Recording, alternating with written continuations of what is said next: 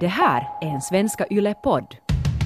Kan det stämma det här med att, att män är överlag snabbare att gå vidare? Ja, eller är det så att det står kärringar på kö och haffar den här 38-åriga... Vi står där på dagisgården och spanar. Ja, där kommer är han Vem hinner först? Ja, Jag kommer vet. liksom högar. Men jag har nästan lite fått... Mm, nu sover barnen, nu börjar vi podda. Ja, ja, kör fort, fort. Nu är det bråttom. Hej och välkomna till Hej. relationspodden Nor- Norrena ett Frans. Ett sprillans nytt avsnitt och här är en, en liten Frans som sover här bredvid. Så om någon piper eller kluckar här så är det inte min mage utan det är min bebis. Ja, det, det, vi, vi ger honom det. Ja. Det får man göra då man är så liten ännu. Hej, hör du Hanna, eh, det slår mig att nu har ju faktiskt den här podden den har börjat sändas i radio också. Och vi har fått mera, mera och flera och nya lyssnare. Så kanske vi borde liksom lite gå back to basics nu och berätta vad vi är för ena figurer för den som inte, inte vet. Ja. Bra idé va? Absolut, ja. Jag för den trogna Yle Vega-lyssnaren så kommer det knappast som en överraskning att jag ju jobbar som programledare på Yle Vega varje vardag mellan ett och tre. Så hör man mig här. Utom Och- idag, för idag poddar du med ja, mig. Ja, inte, inte onsdagarna. Nej. Nej, precis. ja, men vad heter det? Jag är alltså då en äh, ensamstående mamma till två barn, sex och tio år gamla. Och jag har varit singel ganska länge faktiskt. För jag har egentligen inte tid att träffa några nya. Men kanske det kommer sen, vet du. Jag blir 50 så då ska karlarna bara komma in genom alla fönster och, och dörrar och, brevluckor. Du kan inte bo där i fjärde våningen då de mera, det, det är för farligt. Ja, ja, jag kanske måste Flytta ta- ner på bottenplan.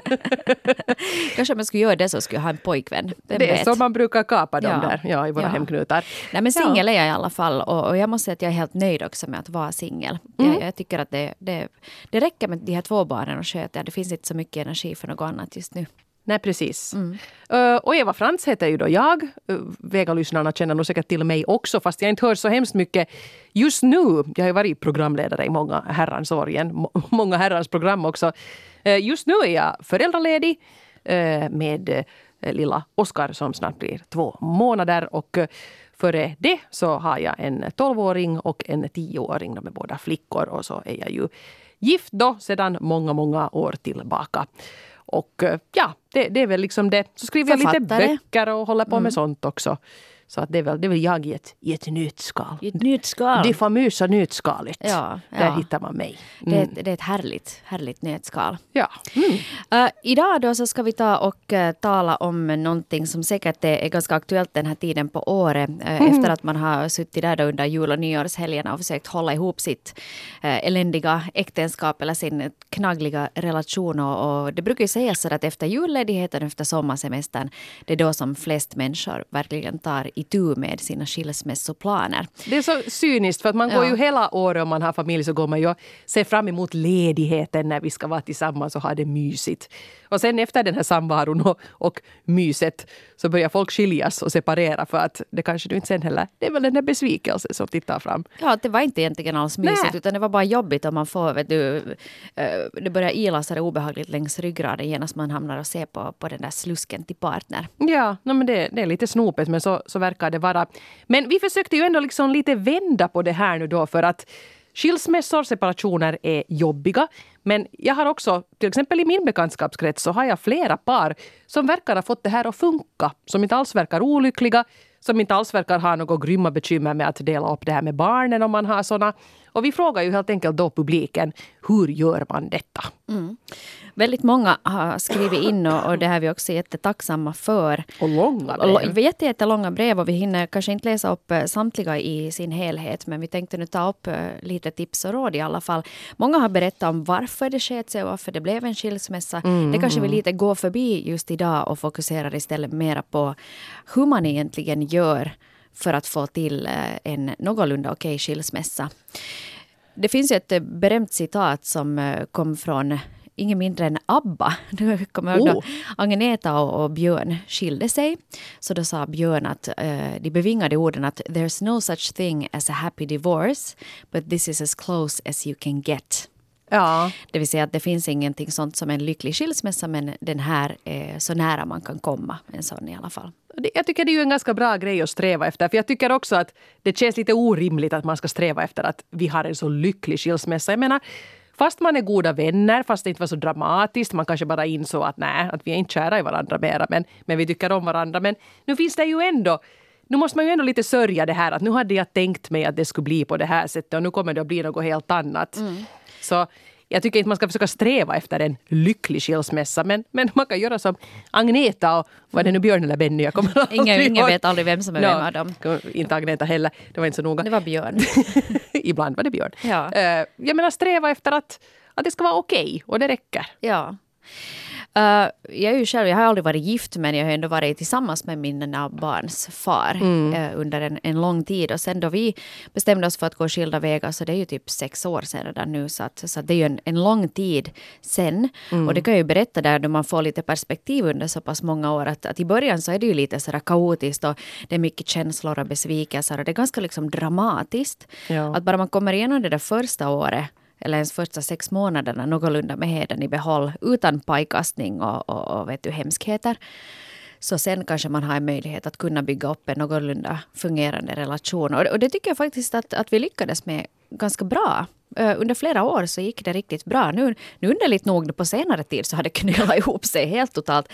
Men, men vad heter det, det kanske också är det att andra saker kommer in i livet och livet händer. Och, No, sex år är en lång tid ja. och jag menar era barn som var väldigt små då så är ju liksom på väg in i tweenie-perioden nu så småningom ja. så de har ju också andra behov. Så att, ja. Men det är en bra poäng det där för att det är ju ganska många som har skrivit till oss här nu som har, har, har det omvänt. Att det var jätteknaggligt i början men nu flera år senare så börjar det gå lite smidigare. Men, men det behöver ju inte nödvändigtvis vara på det sättet. Nej, och man kanske måste jobba på det här också, precis som med, med alla andra relationer. Och det som är grejen, jag menar nu, nu kommer vi hemskt mycket, det, det kan vi ju säga här inledningsvis, för nästan alla som har skrivit in till oss så har berättat om hur det är att ha barn. Vi har inte fått, tror jag, några berättelser av folk som inte hade barn och, och separera. Och jag inbillar mig åtminstone att det är ganska mycket enklare i det skedet för att då kan man ju faktiskt säga att hej då, det vi aldrig ser mera. Ja. Och inte behöver man heller. Men har man de där barnen då har man den där personen i sitt liv för evigt och det hjälps inte. Mm. På gott och ont. Ja, man får dras med varandra. Ja. Helt enkelt. Men det blir mycket med, med fokus på barn i det här avsnittet kan vi ju, kan vi ju säga här i början. Ja. Eh, vi skulle kunna ta och dra igång här med lite konkreta tips på hur man får till då en mm. äh, någorlunda lyckad skilsmässa. Och det här första brevet kommer från signaturen Ellen, 41 år. Hon har då några, listat några tips, bland annat var ärlig om det är så att du har hittat en annan. Det blir bara värre om sanningen kommer fram senare. Det tror jag är ett jättebra mm. bra tips faktiskt. Ja, katten på bordet, skiten fram bara. Det här är det ja. vad vi har att dela med och, och hur ska vi liksom börja styra upp det här. Gå i skilsmässoterapi tillsammans men ljug inte i terapin för då kommer ni inte vidare. Nej. Och det är ju nog, ja. Man ska inte ljuga i någon terapi överhuvudtaget för att det, det är ju bara bortkastade pengar. Terapeuten kan ju inte hjälpa dig om inte ser vad som är problemet.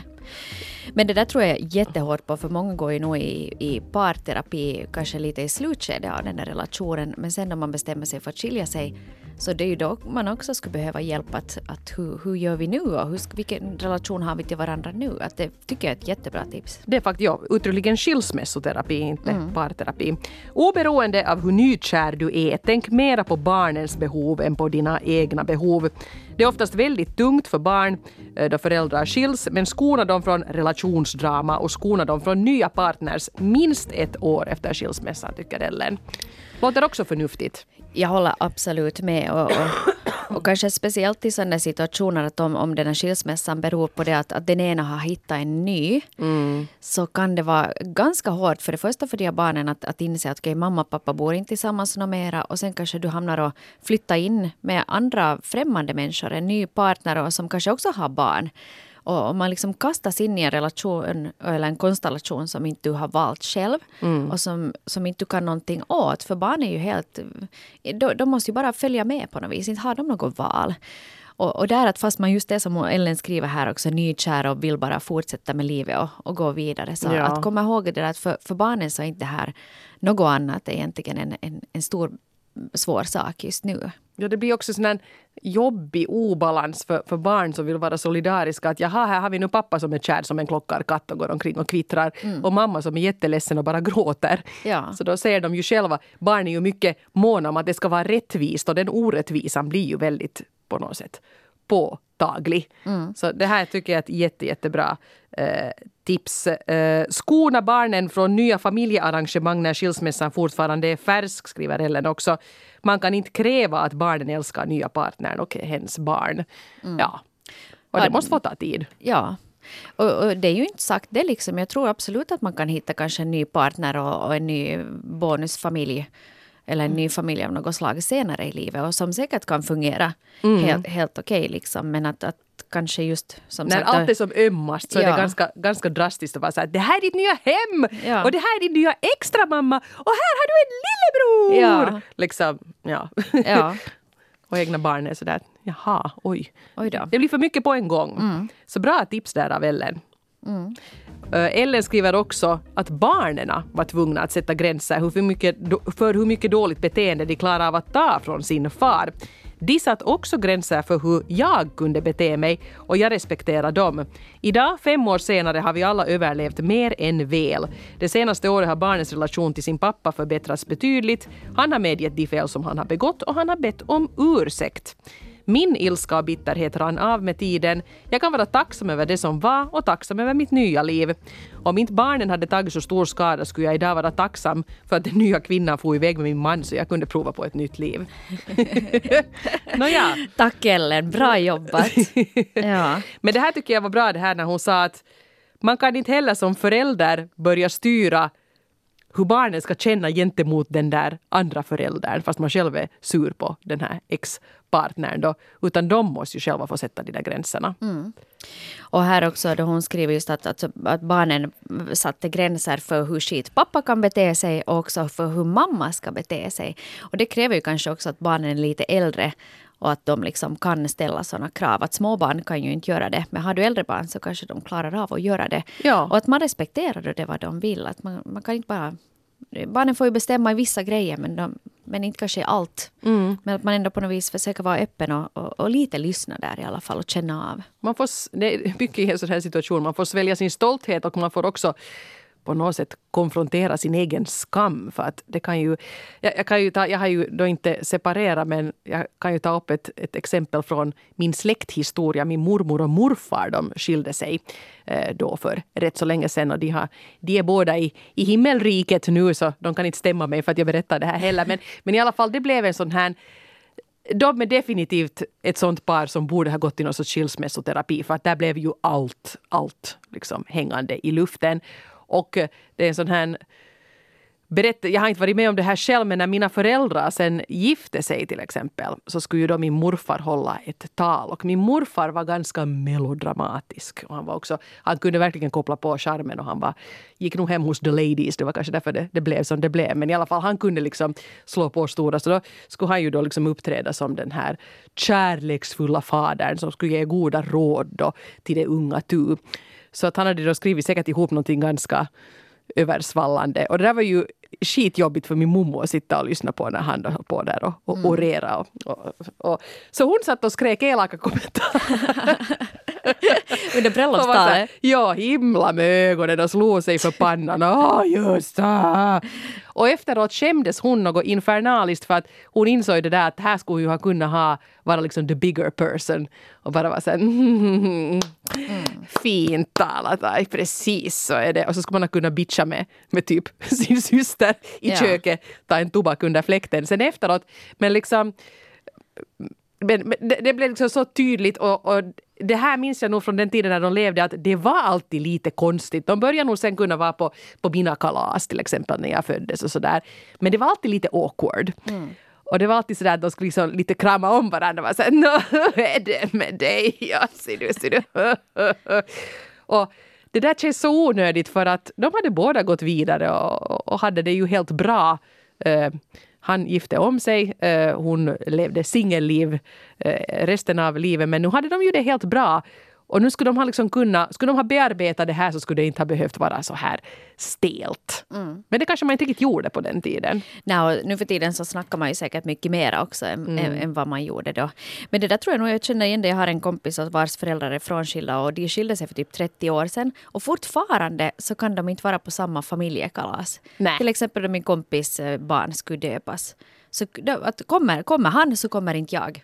Eller kommer hon så kommer inte jag. Och vet du, det har gått 30 år. Att ibland tänker man också att i något skede måste ju bara liksom släppa det. Ja, och jag menar när det till exempel är födelsedagskalas och sånt där, då kan man ju i princip spjälka upp det men det blir ju helt absurt om barnet ska ha jag har två konfirmationskaffen, jag har två studentmiddagar, jag har eh, två bröllop.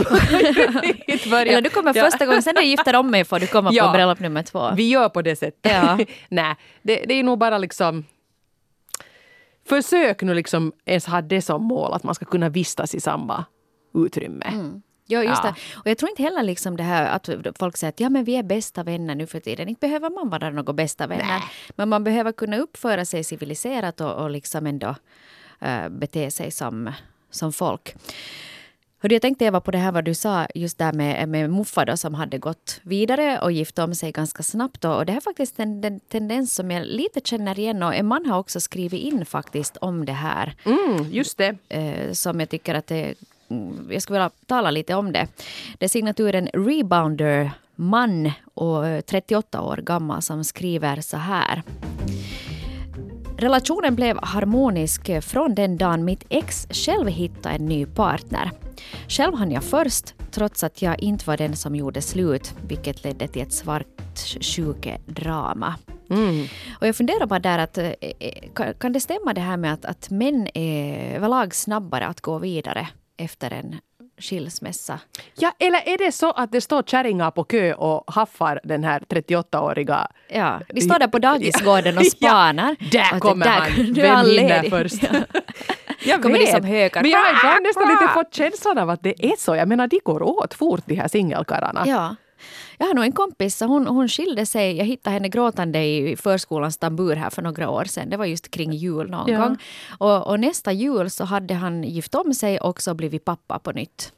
Så där gick det också. Det är ganska, raskt marscherat det, alltså. Det är raskt marscherat och där kan jag förstå att det var också ett ganska hårt slag. För, både för min väninna och också för, för deras gemensamma barn som, som inte riktigt kanske hann med där. Och när jag har sett det här fenomenet bland sådana bekanta och halvbekanta i, i, i min närhet så nu, nu, nu, nu är jag jättetaskig. Jag ber redan om ursäkt av de här karlarna. Men jag förstår inte varför det är de som går åt. För de här männen mellan 35 och 45 det är lite tunt hår, det är lite ölmage, det är inte har gymmat speciellt mycket under småbarnsåren. De är inte så där grymt heta. Medan däremot ofta kvinnorna är. Mm. De är kanske snyggare än någonsin och ändå är det de sen som är singlar. Ja. Och de här lite tilltufsade karlarna som är liksom som, jag menar de, de går åt som, som det skulle vara gula dagar i det stora varuhuset. Ja. Men Var, det, varför det? Varför det? Jag, jag, tror att det här beror på, på en sak och det här stämmer redan från oberoende om du har barn eller inte. Att om en man är upptagen så ser andra kvinnor det här som ett tecken att någon kvinna har godkänt honom. Okay. Det vill säga mm. att han ändå liksom, han måste ändå vara helt okej. Okay. Att är du en singelman så då är det ingen har velat ha honom.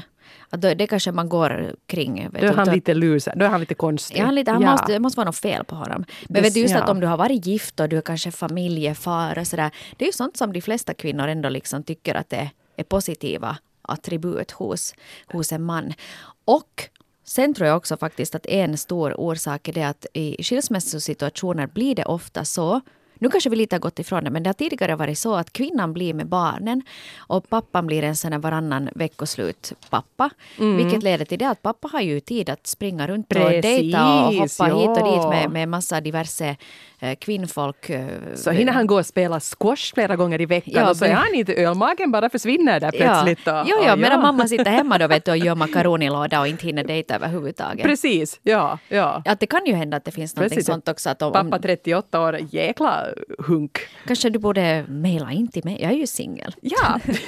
Hej pappa, rebounder man 38. Den här signaturen låter ju i och för sig kanske lite alarmerande. Ja, jag vet inte om det här nu riktigt är något för dig Hanna, men, det här, ja. men, men, men tack för brevet. Tack, tack för brevet. Ja. Vi, vi, vi traskar raskt uh, vidare. Men här var faktiskt nu, ska vi se om jag ska hitta det brevet, vi har fått så många här, men, men uh, det här som du sa om att det oftast är, är mammorna som, som då blir med ett huvudansvar för barnen. Men här var faktiskt ju en familj som hade gjort tvärtom. Ja. Um, mm. Det var vad heter det, signaturen Teamspelare. Just det. Kvinna 32 som hade uh, skrivit, det är också ett jättelångt brev men för att nu plocka kanske några poänger här så, så hon skrev så här att att um, efter min skilsmässa för sex år sedan så bestämde jag och mitt ex för att dela veckan så att barnet aldrig var längre än tre till fyra nätter borta från den ena föräldern. Och pappan fick bli närförälder. Han fick barnbidraget och alla officiella brev gällande barnet till sin adress eftersom jag fick jobb på en annan ort. Det var bättre att barnet fick hålla samma dagisplats, bo nära mor och farföräldrar än att jag skulle rycka loss barnet från allt det trygga. Det där tycker jag är, låter också väldigt sunt. För att det kan ju inte finnas en patentlösning som funkar för alla småbarnsfamiljer som, som separerar. Att det alltid är bättre att vara med mamman och alltid liksom, e-, eller att man ska bo kvar, någon ska bo kvar i samma hus. Där måste man ju alltid det bästa är ju om man kan sätta sig ner och neutralt diskutera vad är vettigast. Hej, jag har fått möjlighet att jobba, ett, ett spännande jobb men då måste jag pendla jättemycket. Att kanske det är bättre att du skulle göra på det här sättet. Att man faktiskt kan resonera sig fram till en lösning som funkar för just den här familjen. Mm. Det lyckas ju inte alltid men... Nej, och det, det, är inte alltid kanske så lätt. Och, och sen måste jag också säga till alla pappors försvar, papporna blir ju lätt lite sådana syndabockar i sådana här fall. Men jag har också en, en bekant, en, en pappa, så han är i princip ensamstående förälder. Att efter skilsmässan så var frun bara inte intresserad liksom av, av barnet. Mm. Så hon har, han har en ny man och reser världen runt och, och liksom mer eller mindre liksom dumpa alltihopa. Mm. Så det finns ju nog en massa fina pappor också som verkligen tar sitt ansvar. Jo, och ställer inte... upp. att Jag menar inte på det sättet alls att säga att papporna är de här lösaktiga karlarna som bara springer runt byn. Att det är ju faktiskt inte så. Nej, men det sitter hemskt i ännu i vårt samhälle det här med att modern är den här liksom föräldern nummer ett och mm. pappan är någon sorts bonus då. Och så ska det ju förstås inte vara utan de ska ju vara 50-50 och så gärna sträva efter det också fast man inte mera bor på samma adress. Mm. Lättare sagt än gjort, speciellt för, för mig som aldrig har behövt göra det här ja. ännu. Hör du vet småbarnsåren. Sommarlovet. Ja. När ska du åka på charter? den här teamspelaren som skri, hon skriver också om eh, lite om den här, mm, eh, ska jag säga, hur stämningen har varit i den här familjen annars också. Hon skriver att vi har fortfarande problem med pappans opålitlighet och ibland är för snäll och för flexibel då han skiter i tidtabellerna. Mm. Eh, det ska kanske säga att han var inte opålitlig as in sådär otrogen eller sådär ute och knarka och, och söp. Utan han respekterar inte de tidtabeller de hade kommit överens om. Och det var kanske det som, som var det här jobbiga här. Men det tycker jag är... För flexibilitet är ju jättebra att det är så att vi har bestämt så här med helgerna men nu i år så passar det bättre att göra så här. Det är flexibilitet. Men flexibilitet är ju inte samma då som att man alltid struntar i en överenskommelse. Mm. Att, men vi brukar ju flexa lite så att jag vet att jag sa att jag skulle komma klockan sju och nu är klockan tio men vet du, vi är ju flexibla. Ja. Nej, man måste också respektera de där tidsramarna. Ja, det kan ju också hända så där att vet du, den andra föräldern som kanske hade planerat för ett barnfritt veckoslut har styrt upp en massa planer.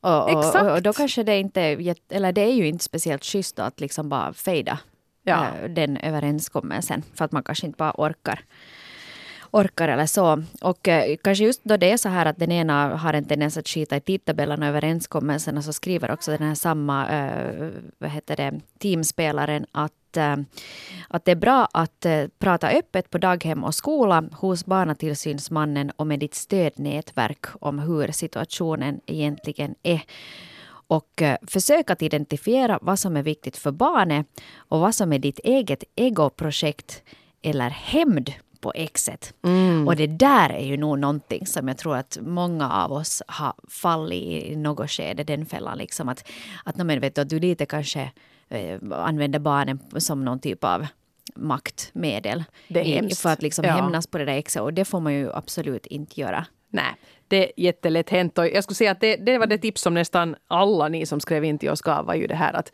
prata inte skit om exet inför barnen. Att de ska mm. inte behöva höra på det. Mm. Det finns nog andra man kan prata skit om exet med. Man kan prata med sina kompisar ja. eller med någon annan. Sen så kan du sitta där och, och, och ösa galla precis hur mycket ja, du vill. Men inte barnen. Nej. Mm. Och sen också en bra point som, som den här samma skribenten har skrivit in. Det här med att um, Kom ihåg att exets nya make eller maka är en till vuxen människa i barnets liv som kan ge trygghet, närhet och kärlek till barnet.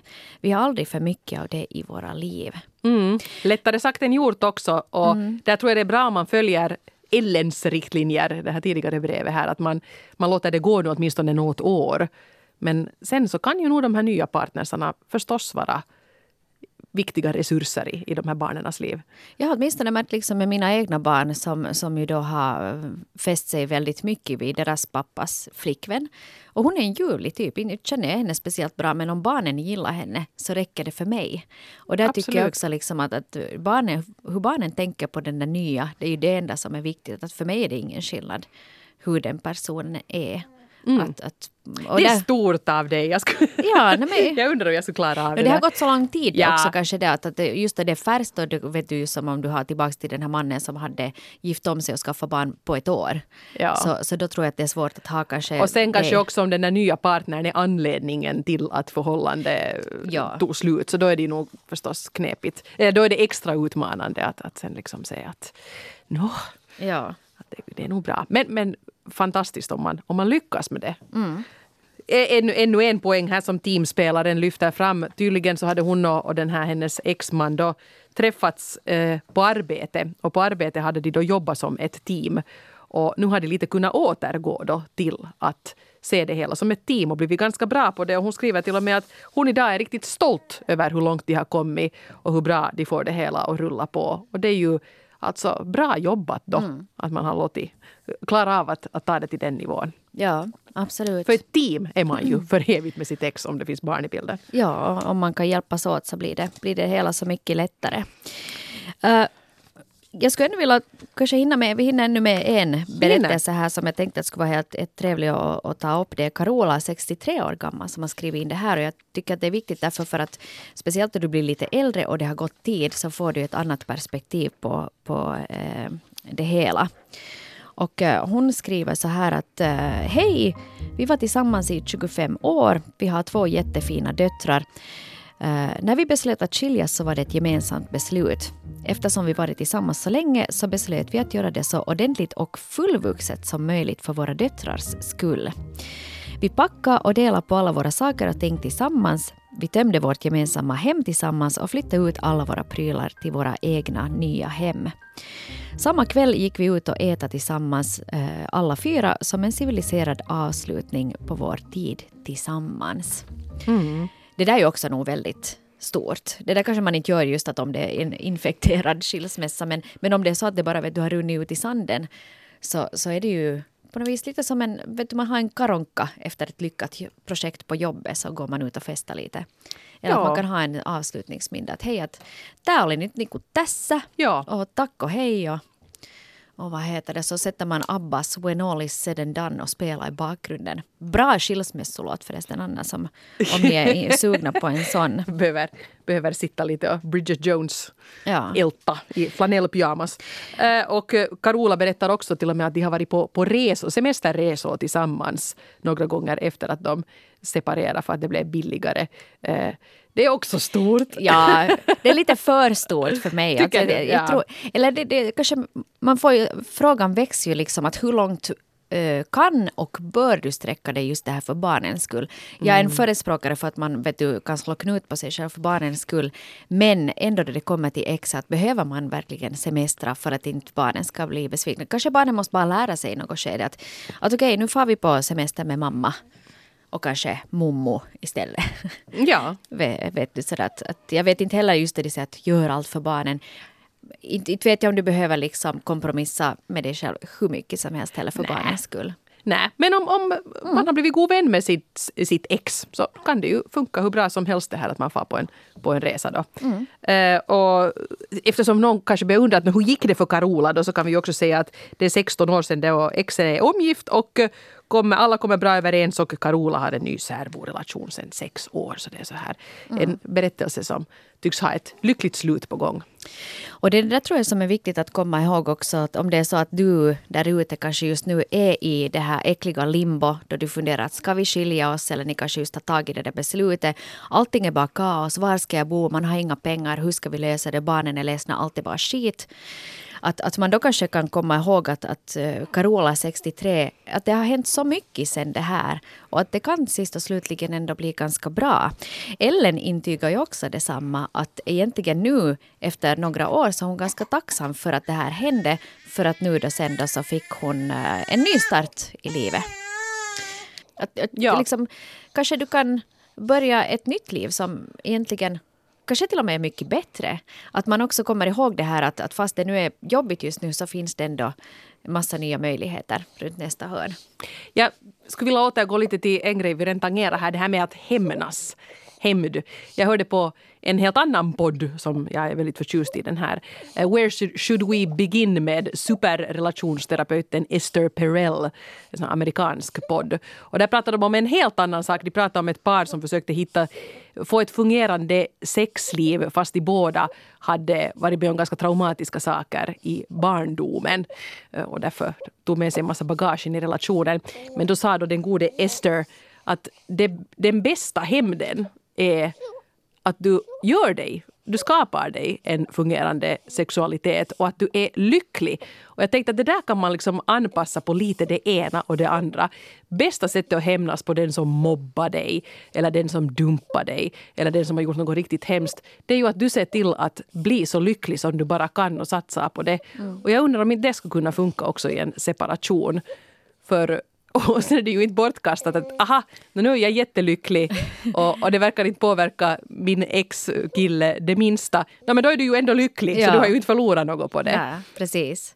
Så alla möjligheter finns. Så är det, Det gäller bara att liksom hang in there och, och liksom hålla huvudet högt och, och be the bigger person som du sa där också. Mm, exakt. Och välj dina strider. Man behöver inte jobba med allting. Vill han ha gafflarna, låt honom ta dem.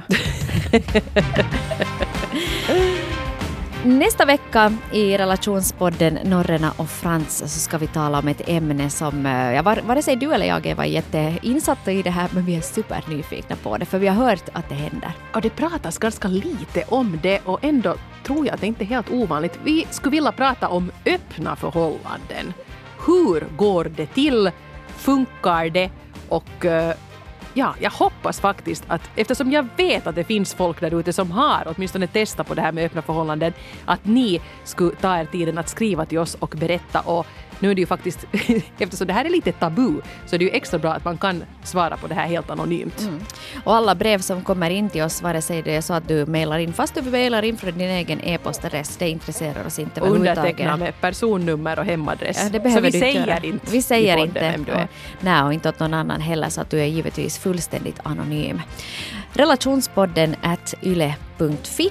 Mm. Dit kan du mejla direkt och sen hittar du också ett formulär på vår webbplats svenska.yle.fi. Och då är vi ju förstås tillbaka om en vecka och då ska vi prata öppna förhållanden. Och alltså, jag ser jättemycket fram emot Det blir avsnittet. härligt. Det Ja. blir jättespännande. Ja. Vi hörs igen om en vecka. Ha det så fint. Tack hej, för hej. idag. Hej!